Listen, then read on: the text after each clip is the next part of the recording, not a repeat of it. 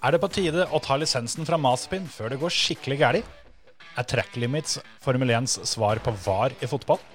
Og hva bør du spille på oddsen til helga? Dette, og selvsagt litt MotoGP, er det du får i denne ukas episode av Føremøtet. Three, two, one. Go. Five left bus opens 20, left six right bus to rest.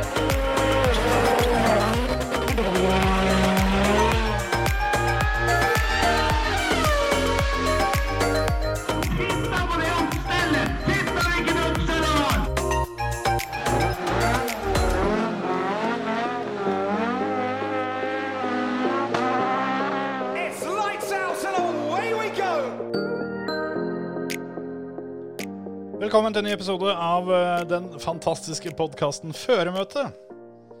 I dag er det bare Varsus her, Emil. Bare gutta boysen. Yes. Skal vi kose oss? Skal vi gjøre alt det vi ikke får lov til når Terje er her?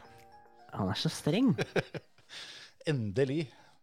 Det blir vel omtrent som alle andre, tenker jeg. Det blir vel eh, å prate litt om Formel 1 og fantasy og odds og MotoGP og sånt. Ja, det er vel ikke så mye som forandrer seg, det, heldigvis. Så det går jo i det samme gamle, da. Ja, gjør det. Det har jo vært løp. På Portimao. Masse løp. Ja, det, ja, det har vært masse løp, faktisk. Jeg føler at uh, vi prater om, uh, om Portimao stadig vekk, men uh, det gjør ikke noe det, for så vidt, for det er en fet bane. Ja, den har jo vært eh, håper å si, i gang både hos eh, MotoGP-gutta og nå Formel 1-gutta. Ja. Det skuffa jo ikke noen av dem, så det Nei, det syns jeg ikke. Eh, Portimao Formel 1-løpet, da, som var den helga her, skuffa kanskje på én måte med sånn i forhold til hva vi har kanskje blitt litt bortskjemt med den sesongen her, så blei det egentlig et veldig streit Formel 1-løp. Men et veldig spennende, vanlig Formel 1-løp, eller hva man skal si. Ja, det hadde jo liksom den derre ekstra lille piffen, eh, spesielt mot slutten, og de, de har jo på en måte prøvd å gjøre det litt mer spennende med det fastest lap og sånt nå, sånn at det, det Ja. lager litt eh, show. Det var fighting egentlig jevnt over eh, hele veien, men det, det var på en måte ikke noe sånn derre ytre greier da, som var inne og påvirka, sånn som vi har hatt litt tidligere. Det var, det var et godt gammeldags Formel 1-løp som var veldig spennende. Litt synd kanskje at uh, Pirelli bæsja på seg litt grann ved å, å velge de tre hardeste gummiblandingene. Det kunne kanskje vært litt kulere hvis de hadde hatt litt uh, andre utvalg der. For det, det som var softdekket denne helga her, sånn, er jo på enkelte andre baner hard. Ja, og den, den er jo ikke akkurat vant til å ha så mye biler på seg som de andre Formel 1-banene har. Nei.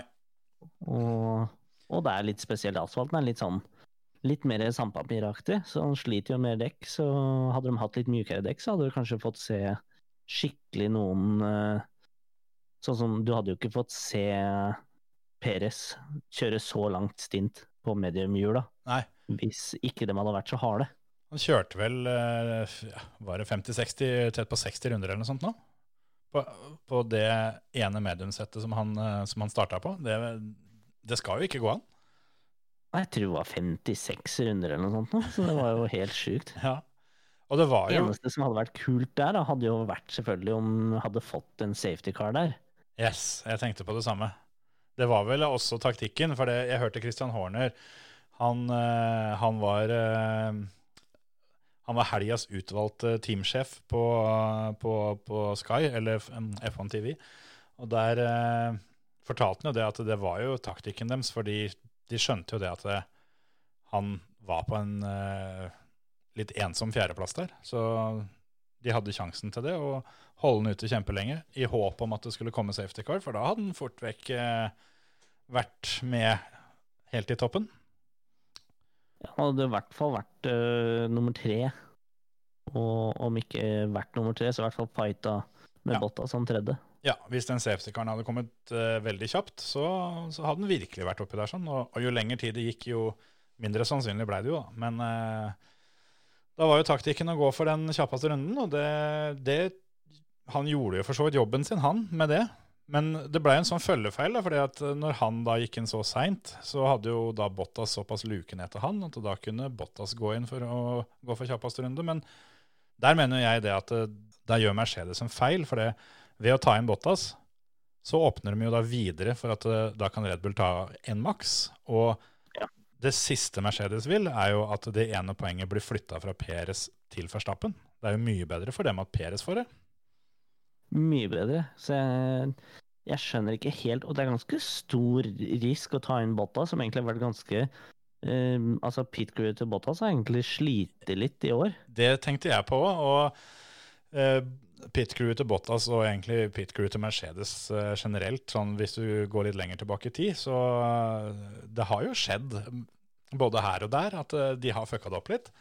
Så, så jeg tenkte det samme. Og denne gangen gikk det bra for dem, men jeg tror at Verstappen ender opp med den kjappeste runda der, sånn i hvert fall sju av ti ganger.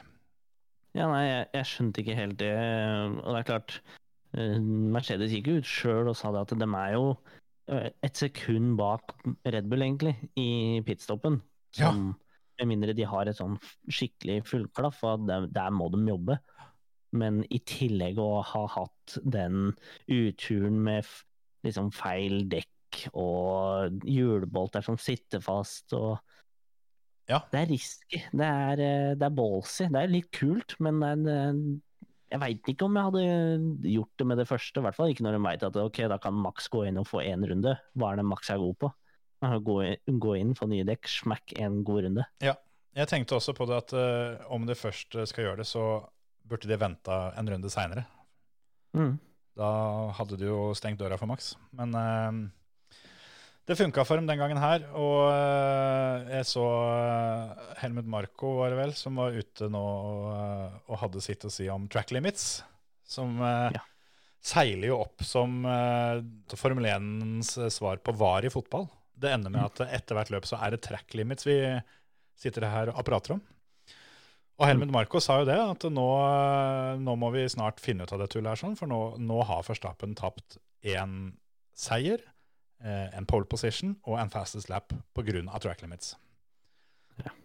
Han har jo for så vidt et poeng, så sjøl om de må jo på en måte takke seg sjøl. Det, det, det er jo regler eh, som, eh, som fins, men jeg tenker litt som så at det, det må da gå an også bare ha en standardregel, istedenfor å endre det underveis hver eneste helg.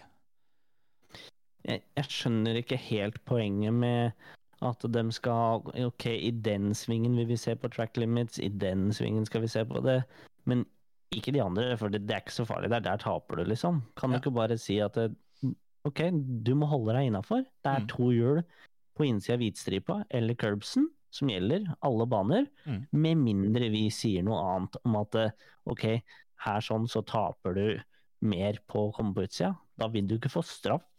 Men hvis de ser at selvfølgelig i noen tilfeller så har det vært at de har tenkt det, og så har sjåføren funnet ut at ok, hvis jeg klemmer på alt jeg makter ut der, så tjener jeg et tiendedel. Og så har de gjort det. Men da kan de jo på en måte gå tilbake på regelen og si at det, det, det er ikke lov å kjøre på utsida av banen uansett. Mm. Ja, for det, så vidt jeg husker, så er vel faktisk regelen at uh, du må ha en eller annen del av bilen inne på banen. Du behøver ikke ha to hjul engang, det holder med ett. Og det Uansett om, om det er ett eller to, det, det spiller jo ingen rolle, egentlig. Men at det, hvis track limits er track limits, så er, det, så er det enkelt. Det blir litt sånn som at eh, om fotballen skulle begynt med at det,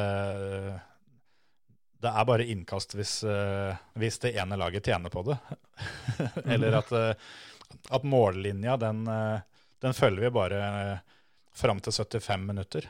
Og så fra 75 til 80 så driter vi litt i det. Altså, altså, det er en hvit, eh, hvit strek, og den skal det ikke over. Og så enkelt burde det kanskje vært. Ja, og Altså, jeg skjønner begge parter, eller begge sidene av det.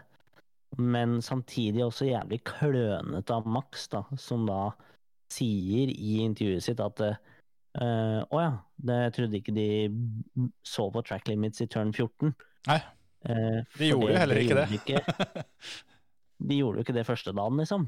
Nei, det var, det var bare Altså, det var kun han som ble tatt for òg, i den ene runden. Nå vet jeg ikke om Det kan godt hende at ingen andre var utafor der. Men uh, han har jo for så vidt et poeng, at han tror at det er lov, men uh, der òg sier hovedet så.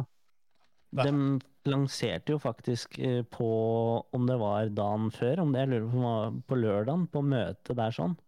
Altså da De har jo en liten sånn type drivers briefing hver dag, egentlig. Går over ting og så videre. Det er viktig med førermøte. Ja. Men hva er det fører ofte ikke gjør på, på førermøtet? Hører etter. Hører etter, ja.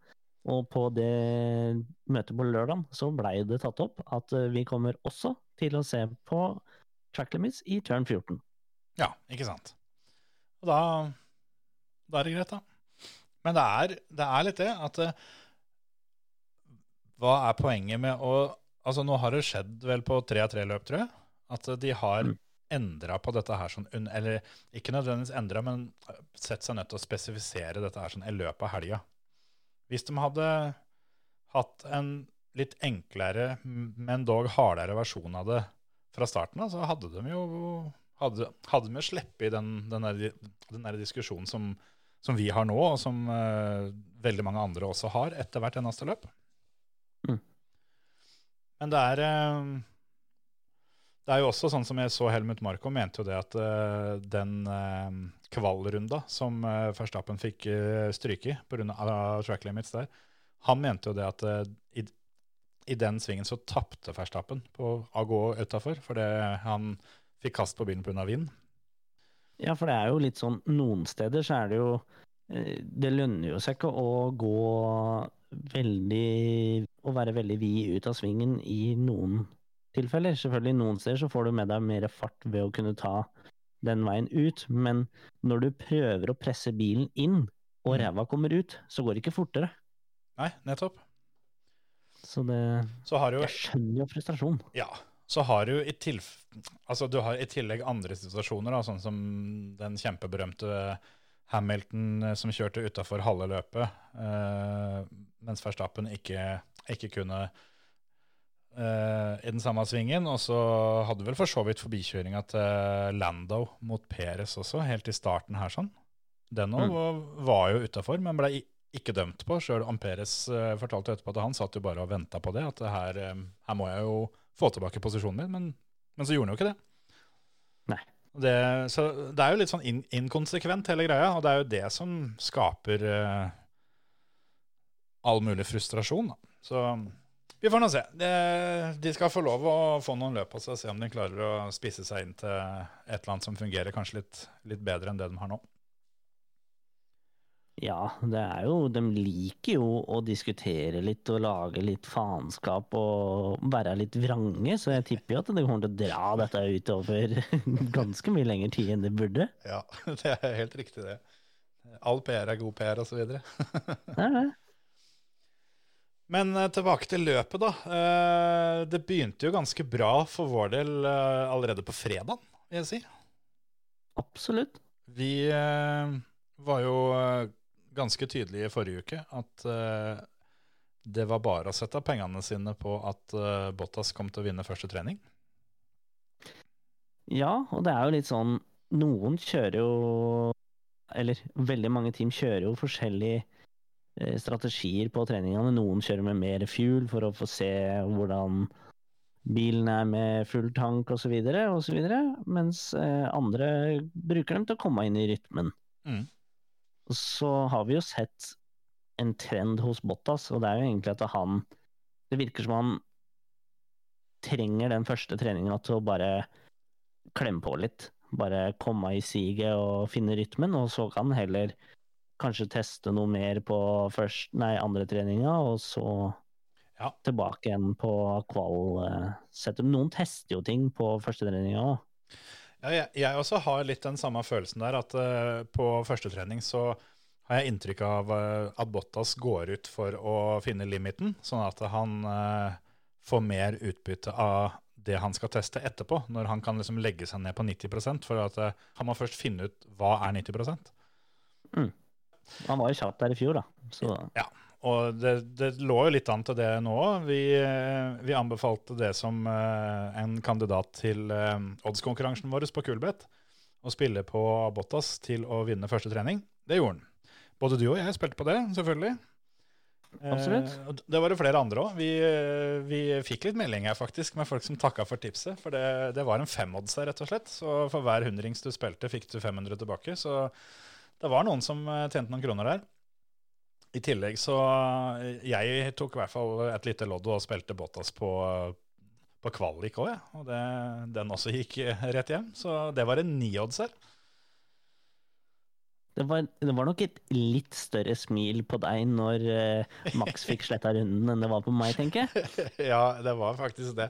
Jeg eh, Det var jo spennende på førstetreninga for så vidt òg, men eh, på kvalen der så så satt jeg og kneip litt i tommelskinnet, for å si det sånn. For jeg, jeg syns det begynte å bli litt vågalt spennende der. Men den gikk inn, den nioddseren der, og da, da var liksom resten av helga på en måte redda. Så fikk jeg ikke inn alt det andre, andre jeg prøvde på. Jeg klarte å spille at Landon Norris skulle komme av topp seks til 1,5 odds, og det, det syns jeg rett og slett eh, er litt sånn gavepakke. Fordi den formen eh, han har vist nå Han, han er så påskrudd om dagen at det å komme av topp seks der er eh, Føles ganske safe. Og da kan jeg bare nevne med en gang at eh, den, den oddsen er enda høyere for at han skal komme topp seks eh, i løpet av helga. Så kan folk eh, gjøre som de vil med. Ja, og han er jo, han er jo skikkelig siger. Han er full av sjøltillit, så det er nok en, en fin eh, odds nå å kunne satse på at han kommer topp seks, for han, eh, han er god Barcelona, så det er ikke noe problem med det. Han er det, og øh, det ser ut som at bilen hans fungerer skikkelig òg. For de, de, har, de har fått den overgangen til å bytte til Mercedes-motor til å fungere skikkelig bra. Og det ser ut til at øh, bilen deres nyter godt av å ha en øh, sterkere motor. Det gjør jo Absolutt. åpenbart alle, selvfølgelig, men altså, de, de har fått dette her til å fungere skikkelig. Og det ser ut som at Daniel Ricardo også kommer til å kjøre skikkelig fort, bare han eh, kommer ordentlig inn i det. Ja, han trenger nok bare litt mer tid i bilen. Han har nok vært vant til å kjøre noe som er eh, stikk motsatt med den Renaulten, tipper jeg. Ja. Nei da, det blir gøy eh, det, og jeg har eh, god tro på Lando denne helga også, men har jo plukka meg ut noen, noen andre snacks, egentlig. Skal vi bare avrunde helgas løp jo- og konkurransen der først? Og så jeg, for jeg også klør litt egentlig etter å komme i gang med Barcelona. Eh, Det som har skjedd, er gammelt nytt. Så folk har fått med seg at Hamilton vant. Eh, Vi må nevne det òg, at eh, Hamilton jeg tror han nok koser seg om dagen. Han, han har litt mer fight, og han sier jo sjøl at det her er utrolig moro. Men det er klart, han har fortsatt overtaket, så det er jo ikke noe problem å, å si at eh, det er gøy med en, eh, en slåsskamp hvis du veit du er litt sterkere enn han du slåss mot. Men eh, han må jobbe litt for det. Det er kult å se på. Og jeg syns at Hamilton viser uh, kvaliteten sin på, på det som skjer på banen om dagen. Sjøl om jeg syns han uh, Hva skal jeg si Det som skjer mellom Hamilton og Bottas, understreker i hvert fall i mine øyne inntrykket som jeg har hatt ganske lenge, og det er at det er en klar førstefører. Jeg Ja. klarer ikke å huske sist gang Bottas fikk lov til å ligge så tett på Hamilton. Uh, og vi har jo hørt flere eksempler på at Bottas har fått klar beskjed om at uh, vi fighter ikke mot hverandre. Men det der gjelder bare én vei. Og jeg syns også liksom, måten alt det der, der, der skjedde på For meg så er det en teamordre. Sjøl om de dekker over på en måte som gjør at ikke det ser veldig tydelig ut. Altså, jeg, jeg sa til min bedre halvdel når vi satt og så på løpet, at eh, så fort den meldinga til Louis eh, kom inn, hvor eh, han fikk bare beskjed om å creep up a bit, Ja. så sa jeg nå kommer han til å enten bli sluppet forbi, Ellers så kommer han til å kjøre forbi ganske fort. Men jeg regna egentlig med han kommer til å bli sluppet forbi, faktisk. Ja. Jeg tror at det er sånn lite grann det som eh, skjedde, men de fikk det til å se pent ut. Men eh, det er en litt, litt kontroversiell eh, tanke, selvfølgelig. Det er jeg veldig klar over. Men jeg fikk den feelinga at det, det var hele tida meninga at det var sånn, sånn det skulle ende. Jeg er egentlig veldig enig med deg der, og det eneste jeg tror eh, gjorde at det ikke så så ille ut, er det at Bottas har ikke helt lyst til å gi slipp på det. At han, han mener sjøl at jeg, hvorfor kan ikke jeg ligge her, liksom? Og så gir han en sånn liten albue til henne, på en måte. Ja. Men samtidig så får du plass til å komme deg forbi, og, yep. og jeg skal ikke kødde det til for deg. Og, og Bottas veit jo òg det, at uh, han er jo avhengig av at dette skal se litt bra ut òg. Fordi uh, det er mye som tyder på at han uh, må søke jobb før eh, 2022-sesongen. Så Ja. han, han trenger det han kan få. Absolutt.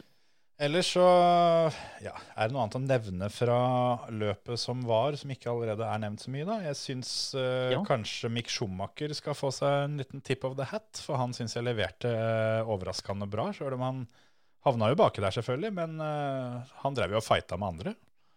Ja, han hadde egentlig en jævla fin fight med, med Latifi der, Ja. en eh, liten stund, og så ble det ødelagt litt av at de ble tatt igjen av gutta med en runde, Ja. eller to runder. Men eh, Ja. allikevel, det var jævla kult å se. Han har eh, fight i seg i en- skremmende dårlig bil.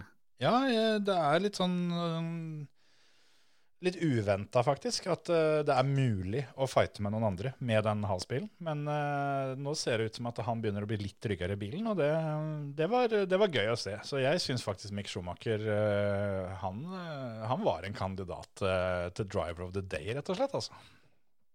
Absolutt. Jeg har faktisk et par ting til å nevne fra løpet, og det er jo faktisk at vi fikk jo se Fettel i Q3. ja, det, det er jo helt sant. Og ikke minst, da. Ikke minst det at både Stroll og Ricardo ryker i Q1. Allerede der så skjønner du det at uh, dette blir en fin helg. Her er det bare å spenne seg fast, for her skjer det ting. Ja, og det verste var at jeg fikk ikke med meg Q1, så når jeg plotta inn for Q2, så bare Hva skjer? Hva faen er det som skjer her nå? Jeg satt jo og fant fram pølsefingrene mine og begynte å telle, for jeg tenkte nå at det, her fins det vel en sjanse for at vi kan få George Russell til Q3, tenkte jeg. For nå er det jo to mann som på en måte skal foran han som er ute. Og da begynner det å, begynner å nærme seg. Altså begynte jeg å telle, da. Hvem er det som kommer til å ryke ut i Q2? Og så fant jeg, fant jeg fire stykker, men jeg tenker at de, de slår han jo stadig vekk på, på kval, så det går bra. Da må vi finne én til. Altså, ja, nei, dette kan gå, tenkte jeg.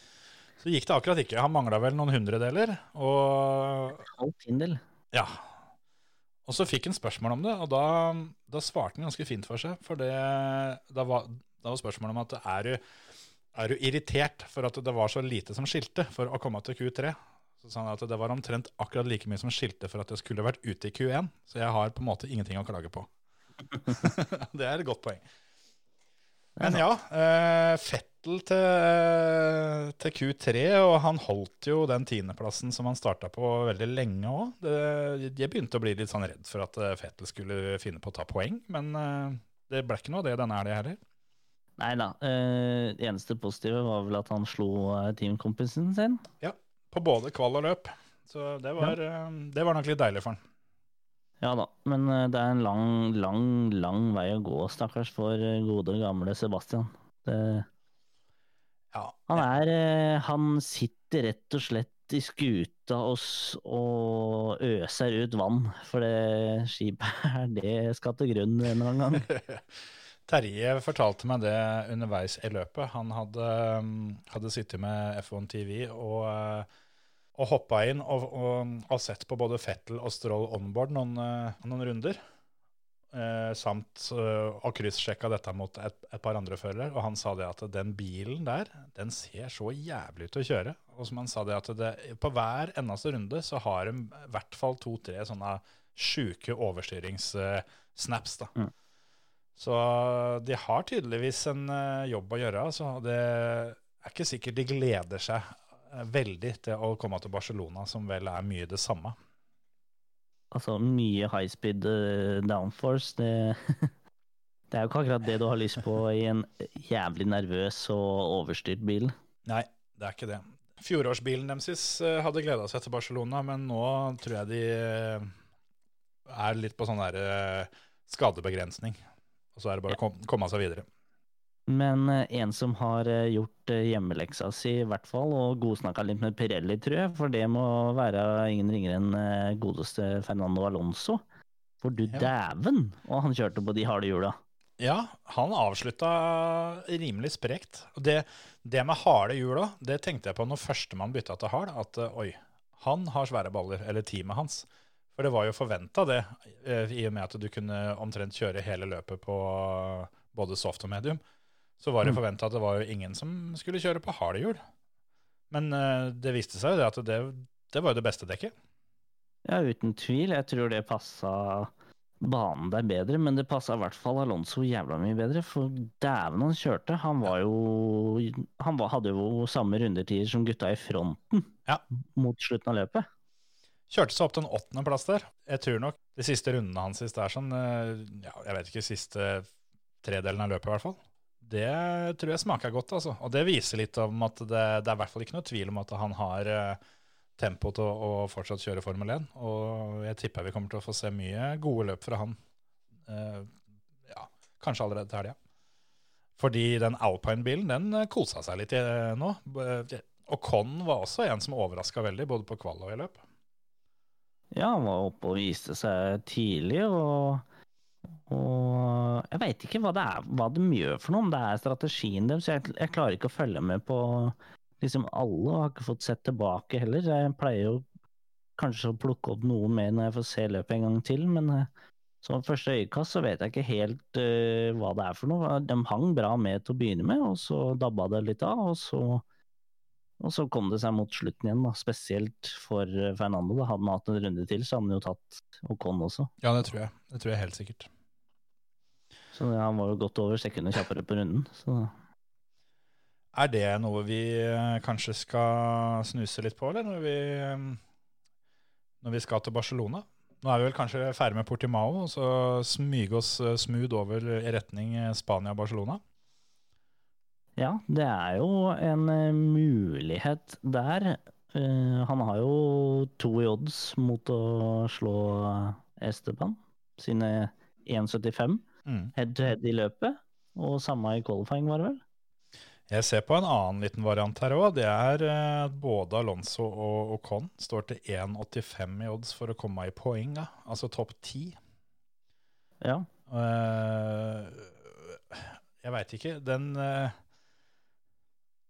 Ettersom jeg har forstått, da, så er Barcelona og Portimao-banen forholdsvis like med tanke på hva de krever av bilen. Sånn at de som eh, var eh, kjappe på Portimao, har et godt utgangspunkt for Barcelona. Er det noe du er enig i? Det veit jeg ikke. Vil jo tro dem er eh, ganske annerledes. Jeg kan ikke tenke meg det krever så mye downforce, men det er kanskje mulig de gjør det. Ja, nei, jeg òg har tenkt at det, det virker litt merkelig, men det er nå i hvert fall det jeg har plukka opp litt. Og i så fall, da, så tenker jo jeg at da ser jo de alpine-bilene eh, veldig hyggelig prisa ut. Hvis de kommer inn med litt sjøltillit og eh, en bil som eh, har forutsetninger til å kjøre fort på banen i Barcelona òg, for det 85% rente over to timer på at eh, Fernando Alonso kommer topp ti, det, det er ikke så gærent, det, altså. Nei. eh, jeg har jo bitt meg merke i eh, I denne lille fighten med disse italienske Ferrari-bilene også. Det er jo Science mot Leclerc. Ja. Og der er det fortsatt favør av Leclerc, som har da 1,60 odds mot uh, Carlos Sainz, og han får 2,25. Ja, det har vel en liten sammenheng med uh, Science, da, som uh, var veldig god på kval. Kvala vel inn på femte, men ender opp Ja. utafor poenga. Uh, så oddsen er jo fin sånn sett, og det, det er jo noe å tenke på for dere der ute òg. At uh, hvis dere ser et eller annet som skjer i løpet, som det fins en, en ganske logisk forklaring på, da, med at de har problemer med bilen eller bomma på dekkvalg osv., så videre, sånne ting, så vil veldig ofte det som skjedde på forrige løp, direkte påvirke oddsen på neste løp. Sånn som oddsen Mm. da med, med den Ferrari-duellen. da. Den vil jo nå antageligvis da være litt feilprisa pga. at spriket var så stort på forrige løp. Men det var jo en forklaring på hvorfor Science datt så langt bak. Ja, og i tillegg da, så var jo, var jo Science han som fikk beskjed om at ok, du må kjøre medium. Eh, Vi tar inn Klerk og setter hard på han. Og når han kommer opp bak deg etter hvert, som vi vet han vil, fordi de dekka holder lenger, så må du slippe forbi. Ja. Så det, det er jo kanskje en idé å heller gå for Science i qualifying, for der får han jo ikke noen teamordre. Nei. Og han har fortsatt 2,20 i odds der, og det er noe med det her eh, spanske vinnerkrafta i lufta. Og så er det noe med Science og Fernando Alonso på hjemmebane. altså. Det skal ikke un Ja, ja. undervurderes, det der. der. Nei, så det både, både Science og Fernando har egentlig lik odds i head to head med teamkompiser på Ja. qualifying. Ja. Så da Det er jo noe å tenke på. Det er, det er noe jeg har sniffa litt på sjøl. Det, nei, jeg syns det der er spennende. Vi kan jo ta det med en gang, at uh, vi eh, fortsetter med samme konkurranse som vi hadde forrige helg, hvor uh, du kan spille på um, Spanias Grand Prix uh, på kulbet.com. Alle kuponger som ender opp med, med gevinst, alle vinnerbonger, rett og slett, med en innsats på 50 kroner eller mer, som dere sender inn til oss, enten via Facebook eller privatmelding eller whatever, de gir ett lodd i bøtta. Og du kan spille så mange du vil, og så trekker vi ut en vinner som får en oddsbonus på 500 kroner. Enkelt og greit. Veldig enkelt og greit. Og vi sa forrige helg òg at vi hadde en 500-lapp til å dele ut hvis det var noen som eh, skilte seg ut med et, eh, et skikkelig kult spill. Enten fordi det var veldig gutsy og, og nesten gikk inn, eller fordi at de, de faktisk fikk inn en, en skikkelig drøy en. Og etter en uh, liten prat på kammerset så har vi kommet fram til at det er ingen som får den premien fra forrige helg. Så den, uh, den går videre til nå. Så det er uh, en 500-lapp ekstra i potten til helga på Barcelona til, til den feteste oddsbongen, hvis det kommer noen. Da gjelder det Altså, det som var den beste bongen som ble sendt til oss, var at Bottas skulle vinne første trening. Men det var jo vårt tips, så det blir for lett, føler jeg. Vi kan jo ta vinneren like greit først som sist. Vi, vi har trukket ut. Det var, eh, det var ikke sånn eh, sinnssykt mange vinnerbonger som ble sendt oss, og det er, det er gode sjanser her altså, for folk til å, å, um, å stikke av med premien. Det, det må bare sies. Så det er bare å heve seg på, komme seg på kulbet, spille på Formel 1 for uh, Da kan du spille på hva dere vil, om dere spiller på den eh, enkleste, laveste oddsen, eller om dere tar noe skikkelig sjukt noe. Dere kan, dere kan spille på at eh, Hamilton skal komme av topp 6 til 1-10 odds. Ja. Det, det er lov. Da får dere et lodd, og fra Portimao så har vi klart å trekke ut en vinner. Det ble Runar Sanni. Så han må bare sende oss navn og brukernavn på Kulbeth, så får han eh, en oddsbonus på 500 kroner. Ikke verst. Ikke verst, ikke verst. Jeg s- har jo, jeg har jo gravd litt denne gangen også, sett på resultatene fra i fjor. Ja. Eh, som jeg egentlig gjorde til eh, første trening oddstipset som kom. Og der har du jo egentlig, egentlig samme, samme greia, egentlig, bare at jeg har sett mer på, på qualifying. Hvor, eh, hvor Bottas er altså et eh, knepent Er ikke tiendedel bak engang på qualifying. eh, til å slå Hamilton, og han har altså syv i odds på å vinne qualifying. Ja. Eh, så for meg så er det en ganske interessant eh, til å kjøre en liten sånn moro. Jeg liker å finne meg et par sånne til å gå litt hardt ut på, så, som kan være litt risky, men veldig gøy hvis det går gjennom. Og så kan du nå spille ganske safe enten Hamilton på 2,25 eller maks på 2,30 til å vinne løpet. Mm. Der har jo i hvert fall Terje vært uh, ganske sikker på at dette, dette løpet her vinner Hamilton. Og 2,25 i odds er ikke det dårligste jeg har sett uh, på akkurat det. Men det er en av de to guttene. Uh, for det tredjemann på lista er Bottas til 9 odds for å, for å vinne løpet. Du får 10 på Peres, og så må du da blir det da 41 på, på Lando som nestemann. Ja, og Max var bare 24, 24 sekunder bak eh, Hamilton i mål der i fjor. Med vesentlig dårligere bil enn han har i år. Ja. Og ikke minst så har han jo den følelsen at han kan vinne. Det er nok det viktigste. Det, jeg veit ikke om det har skjedd før, men etter tre løp i starten av sesongen, så er det dårligste resultatet Verstappen har en annenplass. Ja. Så jeg tror nok at han eh, setter seg i bilen hver gang framover nå og veit at dette løpet her, det kan jeg fint ende opp med å vinne. Og den trua og den sjøltilliten, det, det kommer vi som eh, TV-seere til å nyte godt av, det er jeg helt sikker på. Samtidig som at Hamilton veit at eh, i dag må jeg være påskrudd, ellers så er det ikke sikkert dette går. Han får ingenting gratis lenger. Nei, det blir jo veldig spennende å se. Hvis du, hvis du skulle valgt ut en, eh, odds, da? Hva hadde du gått for denne helga?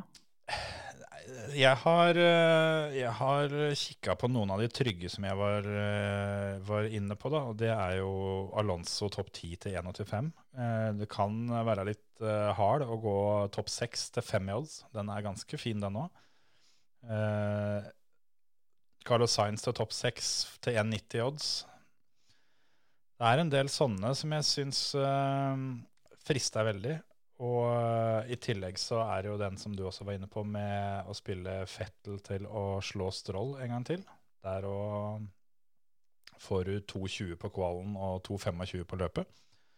Mm. Uh, det er generelt, generelt mye, altså. Og det mm, det er, ja, jeg tenker ofte litt sånn at hvis jeg finner en, en odds jeg er eh, veldig fornøyd med, som ligger på mellom eh, 1,60 og, og 2, så, så er det bra, det, altså. Jeg, eh, jeg ser ikke etter så veldig mye mer enn det. For det, det er jo en grunn til at oddsen er høy. Det er jo fordi at det, det er anslått at dette her skjer ikke så veldig ofte.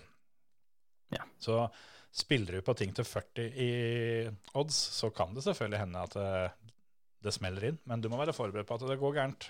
Men når du spiller på sånne type ting, da, at du skal ha inn eh, ja, si du, kan, du kan være veldig safe, da, spille på at Lando Norris eh, skal komme av topp 10 til 1,25 i odds. Han gjør jo det, med mindre han bryter løpet. Men det er akkurat den der, der sånn, med mindre han bryter løpet. Det er på en Ja. måte det samme som eh, den der grønne nullen på dette, dette ruletthjulet. Det er det som ingen tenker på, men i Formel 1 så blir det stort sett stående noen biler. Og det, det kan bli han du har spilt på. Så det er, det er liksom faktoren du spiller imot da, veldig ofte. Ja, så det kan jo bli spennende. Det er jo Bottas vant eh, første treninga der i fjor òg, da. Han står til fire i odds til å vinne første treninga òg, så det Jep. Men jeg vet ikke Jeg ser jo at uh, oddsen på at Masepin skal vinne løpet, har jo gått ned. Den var jo 7501 forrige helg. Nå er den nede i 5001. Det er jo en, en tredel av det er jo borte. Så eh, det er tydelig at de har trua på at det går rette veien med vår russiske kompis. Som jeg for øvrig mener at hvis ikke han skjerper seg skikkelig nå, så er, det, er vi der at eh, jeg syns faktisk Fia skal ta superlisensen hans i snart. For han, er, han begynner å vise at han faktisk er litt farlig utpå der, sånn. Når han ignorerer fem blåflagg og nesten smeller i Peres, var det vel? Som leda. Ja, som på det tidspunktet leda løpet, når du holder på å kjøre lederen av banen etter å ha ignorert fem, fem jævla blåflagg, da er du ikke skikka, altså. Så jeg mener at eh, det å gi han fem sekunder tidstillegg for det der, der sånn, det er jo det er jo det samme som å gi en mann som holder på å drukne et glass vann. Altså det, det har overhodet ingen effekt.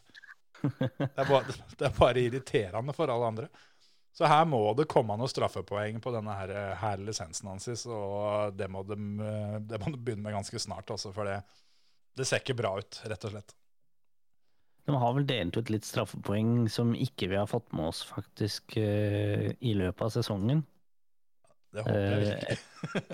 Et, et poeng her og et poeng der til noen og så videre. Så det, jeg regner med det renner inn et par der. Ja. Det er sjukt, men det er klart. De trenger den i Formel 1. De trenger at uh, Has skal fortsette å kjøre, og det, det er med vår kjære venn uh, Mazepin, det. Det er akkurat det. Jeg har sett folk som har spekulert i det, at han får sikkert eh, sitte ut eh, sesongen, men eh, de er litt bekymra eller, eller, eller liksom De har tenkt at eh, han kan jo umulig få lov å fortsette neste år, men eh, glem det, da. Så lenge, så lenge det sjekkheftet eh, bare har signatur og ikke, ikke fylt inn noen sum, så får han sitte der så lenge han vil. Ja, I hvert fall med ryktene med at eh, faren tar over eh, hele Has-teamet sammen med en annen sponsor. Ja, det, det, ja, det har vi vel ikke nevnt, men eh, det, er, det blir jo snakka om at uh, pappa, pappa Mazepin kjøper ut Gene Haas. Og eh, så veit jeg ikke Akkurat den biten tror jeg på, men Ja. bit nummer to, om at det da er Rich Energy som uh, skal inn som hovedsponsor, det er jeg ikke sikker på om jeg tror på det, men er det noen som er sjuke nok i huet til å, faktisk gjøre business med han, så er det vel kanskje Mazepin. Vi får bare, vi får bare vente og se åssen det blir. Du hører på Førermøtet, Norges beste motorsportpodkast.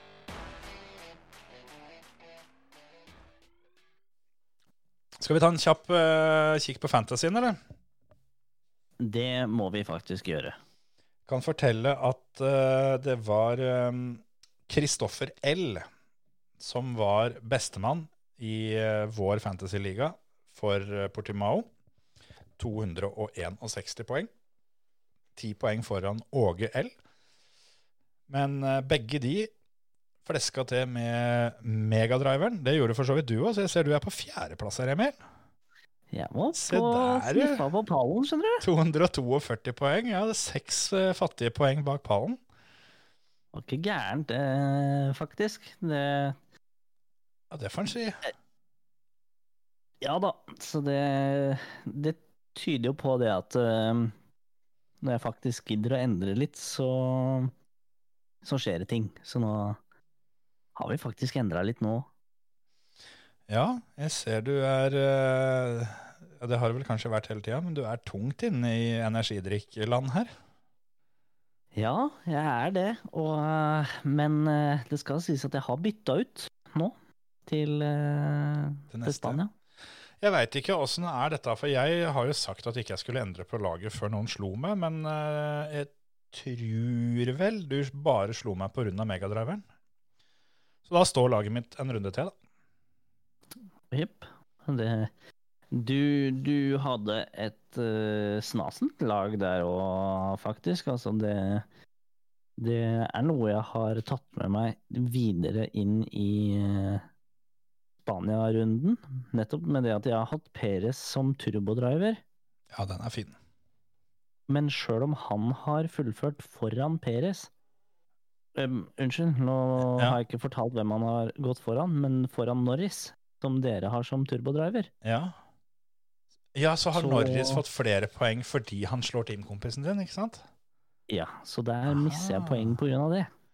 Den hadde jeg ikke skjønt sjøl sånn med det første, tror jeg. For jeg òg ville jo trodd det at Perez som turbodriver er det opplagte valget, i og med at han er på en måte bankers uh, oppi i toppen der. Er, ja, ikke nødvendigvis bedre, men han, Jeg- han er ja, kjappere, i hvert fall. altså, På resultatlista så er han Ja. stort sett bedre, da. ja, ja, men han er, eh, han er nummer to i teamet, ja. Det er et godt poeng.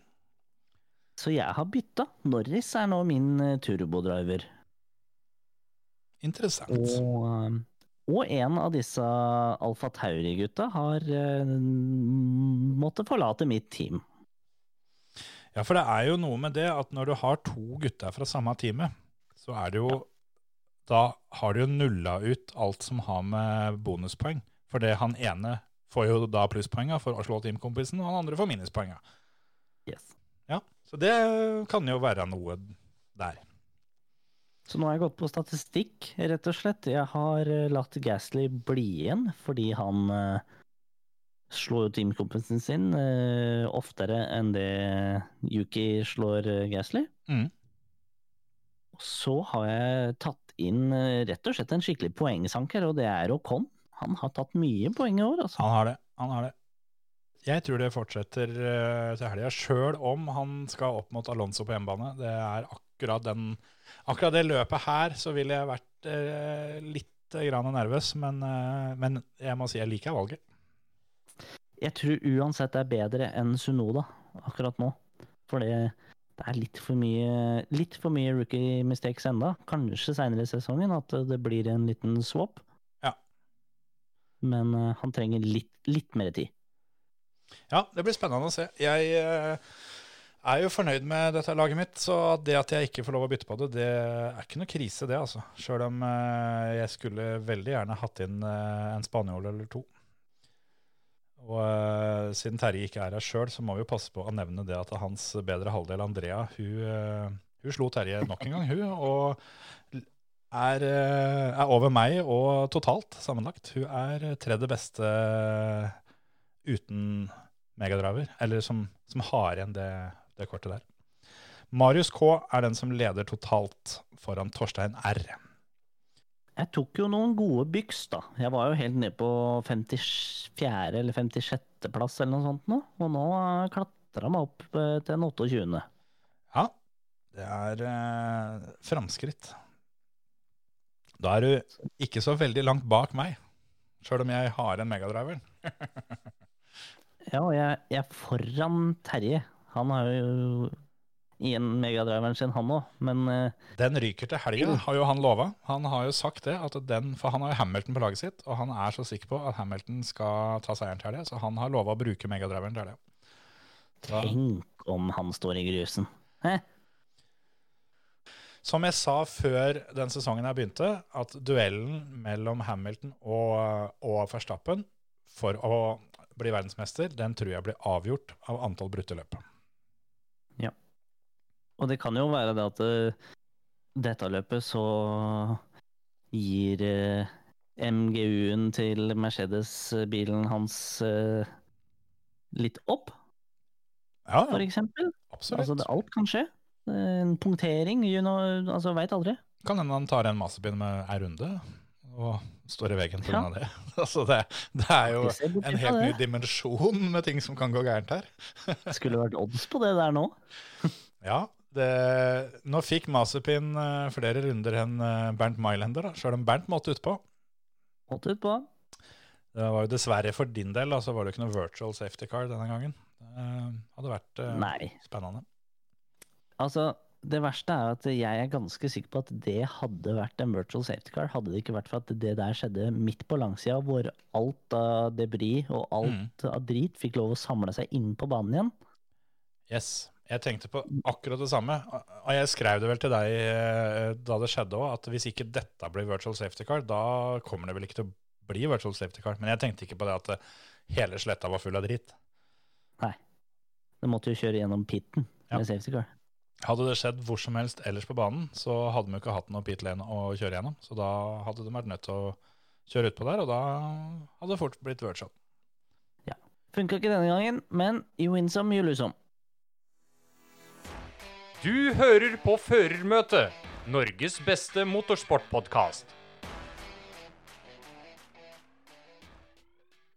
Skal vi ta MotoGP først? Det syns jeg vi skal gjøre. Nok en gang så hadde jeg rigga meg til for å se på MotoGP-løp. Endelig tenkte jeg nå er det ingenting som skal stoppe meg. Men jeg hadde jo eh, svart på spørsmålet fra kona om at når er, er det det begynner det du skal se på etterpå. Og da sa jeg nei, det begynner klokka fire, det. For jeg tenkte jo på, tenkte på Formel 1-løpet. Så uh, MotoGP hadde vel kommet til turn fire i den første runden. Så fikk jeg beskjed om at da er maten klar. Ja. da var det middag. Så jeg fikk ikke sett det denne gangen heller. finner, finner liksom alltid en, en eller annen måte å ikke få med meg MotoGP-løpet på. Jeg begynner å bli god på å se på forberedelser, da. Jo da, og det, det var jo for så vidt greit. Og hvis, hvis en fikk med seg dramatikken For det er jo Jeg føler det er mer dramatikk i MotoGP med tanke på det at eh, feilmarginene der har så veldig mye større utslag. Ja. Altså, dette er banen hvor Marquez eh, brakk armen sin på nytt og ødela hele sesongen. Mm. Eh, og i FP3, altså da tredje treninga, så deiser han av banen og prøver å altså brette den Hondaen sin i to. Ja. Og blei liggende i grusen, og folk tenkte nei, nei, nei, nei, nei, hva er det du driver med nå, liksom? Igjen, her. Ja. Men han er faen meg beinhard, den eh, guttungen der. Han eh, er en tøffing. Det er ikke til å komme unna, rett og slett.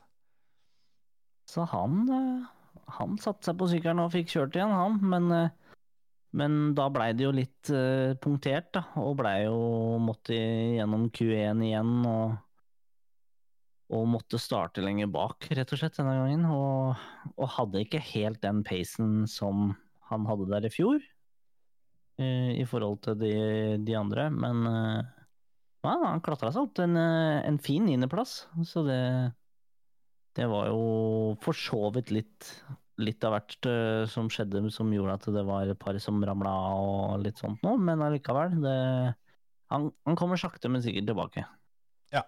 Det, det er godt å se, egentlig, at han eh, er på nivå. For det, det trengs litt, det der, altså. Jeg føler det at han er en sånn figur som, som er fin å ha der. Men ja, fram til han kommer på tempo igjen, så er det jo My Guy som driver og, og vinner løp. Hvem av de? Var det ikke Coltararo som tok det igjen, da? Nei, det Det var ikke det. Huh. Han eh, tok en overlegen ledelse, faktisk. Eh, Starta jo i pole og, og stakk rett og slett eh, av litt. Fikk en eh, luke på nesten tre sekunder, eller om han var helt oppe i tre sekunder òg. Det er jo en god del. Og litt etter halvkjørt løp, så eh, plutselig så mista han et halvsekund, var det vel, første runden, og så mista han litt over et sekund neste runden. Og dette bare fortsatte og fortsatte. Og ingen skjønte hvorfor. Altså, han sleit med bremsing, han trengte jo Alle ekspertene og sånt noe diskuterte. Har han, han tatt uh, Har han tatt uh, for hardt i? Har han ødelagt dekka sine? Er framdekket helt skutt? Er bakdekket skutt? Er det noe uh, power issues? De sjekka toppfart, de sjekka Ja, de sjekka alt. Men de glemte en menneskelig faktor, og den kom de på til slutt, da. Ok. Det var rett og slett at han fikk altså så melkesyre i armen Ja. at han klarte ikke å bremse. Krampe, rett og slett. Altså, det de kaller for arm pump, egentlig, da, i, Mm. i MotoGP, er jo altså da alvorlig melkesyre, rett og slett. Så mye at han kramper opp, og du klarer faen ikke å trykke med den i det hele tatt. Så han klarte ikke å bremse hardt nok, rett og slett. Stemmer det at han har eh, rett og slett eh, blitt operert for dette her sånn i etterkant av løpet? Han heiv seg rett under kniven. Så det, Dette, det stemmer, for det dette gidder ikke han en gang til, for å si det sånn. Nei, og det er jo kjent for uh, GP-gutta at de som sliter mye med, med dette, opererer faktisk. Og, Heftig, altså. og ikke til dette løpet, men forrige løpet, så hadde jo Jack Miller gjort det samme. Ja. og rett og slett operert armpump. Og kommer altså tilbake med så mye press på skuldrene, blitt tatt opp fra fra dette Pramac, eh, altså støtteteamet til Ducati, opp i fabrikksteamet og forventa at den skal levere noen resultater, og, og ikke fått til det. Men jaggu faen nå så vant den endelig på tørt. Det er første seieren hans på tørt, faktisk.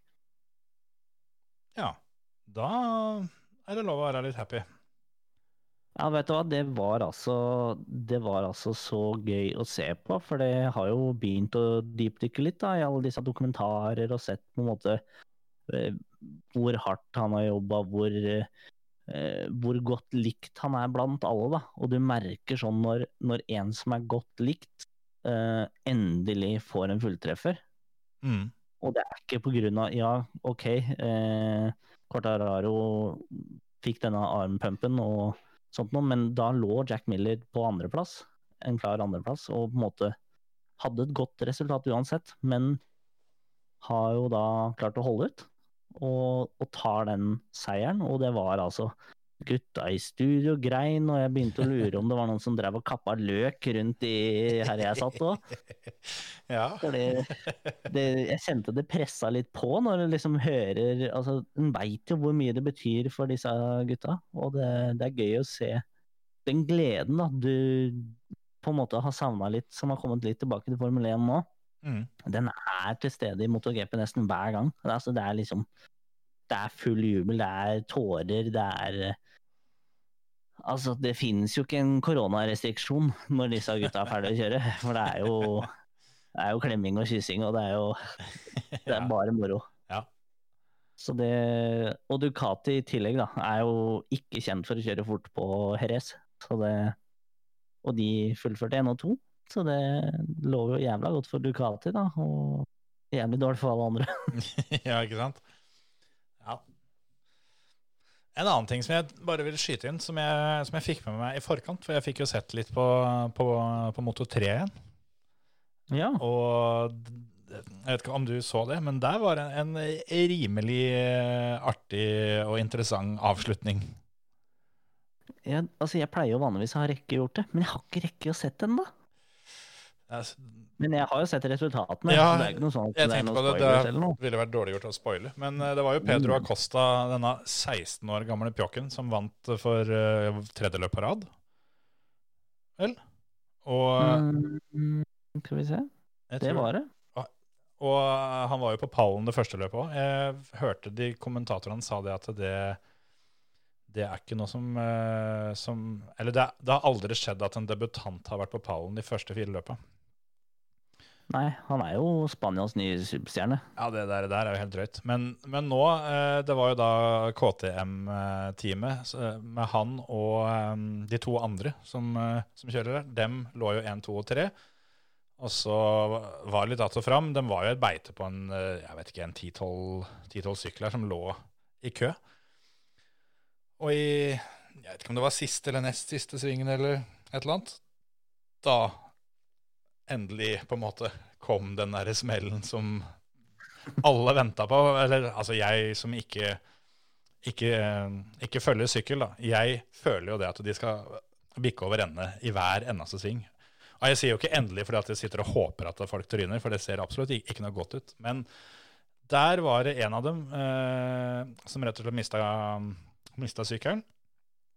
Og sykkelen tar ut lagkompisen, og føreren tar ut en annen en. Så det, det, det går med to, tre, fire karer der, og da var Acosta stort, stort sett aleine i front. Men eh, for KTM, da, så fra å ha sjansen til å ta hele pallen, så fikk de bare én i mål. Ja, det, jeg veit ikke om han var med, men om du husker det, Dennis Ønsjø. Ja, han var en av de to. Og han er jo halvt nordmann. Ja, det var jo det litt drit, da, at, han- at han skulle bikke over ende der. Ja. Jeg tenkte på det, òg. det, det så så vondt ut, for det, han, han som mista sykkelen, ligger innerst. Og sykkelen skjena jo da ut og tar ut bakhjulet til teamkompisen. Oh. Og føreren kommer jo da bak og tar ut forhjulet til sykkelen bak der igjen. Ja. Den smellen tenkte jeg at der, eh, der må det lugge ganske greit når du deiser eh, først i asfalten, så i forhjulet til eh, en på ytteren. Men før Jeg vet ikke hvem av dem det var, men det var en av KTM-guttene som før de var ferdige å skli, så hadde han kommet seg på beina og begynt å springe. Det også er, jo litt sånn fett å se på. da, At uh, han har ikke venta til han uh, er ferdig av trynet engang før han er på beina. Og nispurte bort til sykkelen, for det, det var jo Jeg mener det var siste svingen, så de hadde en 150 meter strekke til mål. Så han heiv seg på da for å prøve å komme inn og få seg noen poeng. Ja. Heftige greier. Det ikke, han ble ikke sist. Eller de, de, ingen av Red Bull-gutta ble sist. Nei, de, de kom, seg på, kom seg på syklene igjen. Og det er bare det at de spretter opp sånn som de gjør der, er jo sjukt nok i seg sjøl, syns jeg. De er helt sjuke i huet. Ja, ingen tvil. Nå har de ei eh, frihelg, i hvert fall, så kan det hende de får eh, tid til å pleie noen blåmerker. Og så skal de vel til LMA om 14 dager. De Eller- rekker akkurat å bli ordentlig støle igjen. Så det ja, det er akkurat det. Derom må vi få Kulebeth til å komme her på banen og få inn noen odds på MotoGP og um, den slags. Apropos Ja, Moto3, da, så, så må vi jo nevne det òg, sjøl om det, det får vi rett og slett prate om mer til uka. Men eh, Formel 3 har jo sesongstart denne helga her, sånn. så det blir spennende å se hva Dennis Hauger kan, eh, kan få til. Ja, det blir spennende. Dennis har jo vært, eh, har vært kjapp på testene, så er det jo litt sånn make or break-år. Han, eh, han bør være med og fighte om pallplasser eh, fra start. Så Absolutt. det blir spennende. Jeg skal prøve å få kikka litt på Formel 3 denne helga her òg. Jeg skal være hjemme aleine, så det blir motorsport fra morgenen. av. Det er ålreit, det, og til, altså. Jeg skal faktisk Jeg, jeg tror jeg skal prøve også å få kosa meg skikkelig. For det, nå i helga som var, så hadde jeg vært på polet og kjøpt meg portugisisk vin for å kose meg med siden de var i Portugal og kjørte og greier. Sånn gikk det ikke, da. Det har jo fortsatt unger, så, så det ble ikke noe, det, ble ikke noe rødvin midt på dagen på, på søndag. Men nå som jeg skal være hjemme aleine hele helga, så er det muligheter for portugisisk vin og motorsport uh, fra første trening på morgenen omtrent. Så det kan bli ganske interessant helg. Altså, språk i Portugal og Spania er jo ganske likt, da. Ja, det blir mye det samme. Og så lenge den vinen er rød, så tenker jeg det er nærme nok. Ja. Skal vi si det er greit, eller? Nå har vi sittet og jabba en drøy time, så får vi kanskje spare litt snacks til neste uke òg. Det er ikke alt Ja. den rekker. Sånn er det bare.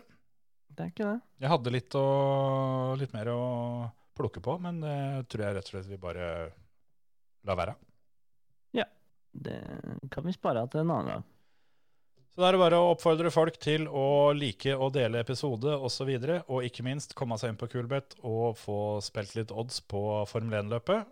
Det er eh, smart å komme seg inn tidlig før første trening, for etter det så endrer oddsen seg, som eh, vi har nevnt før. Og så er det da sjanse til å spille helt til første bil går i mål, faktisk, på søndag. For det er livebetting under løpet.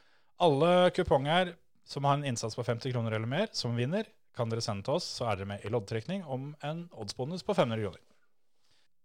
Kos dere masse med ei fantastisk motorsporthelg, og så høres vi til uka. Ha det bra! Ha det.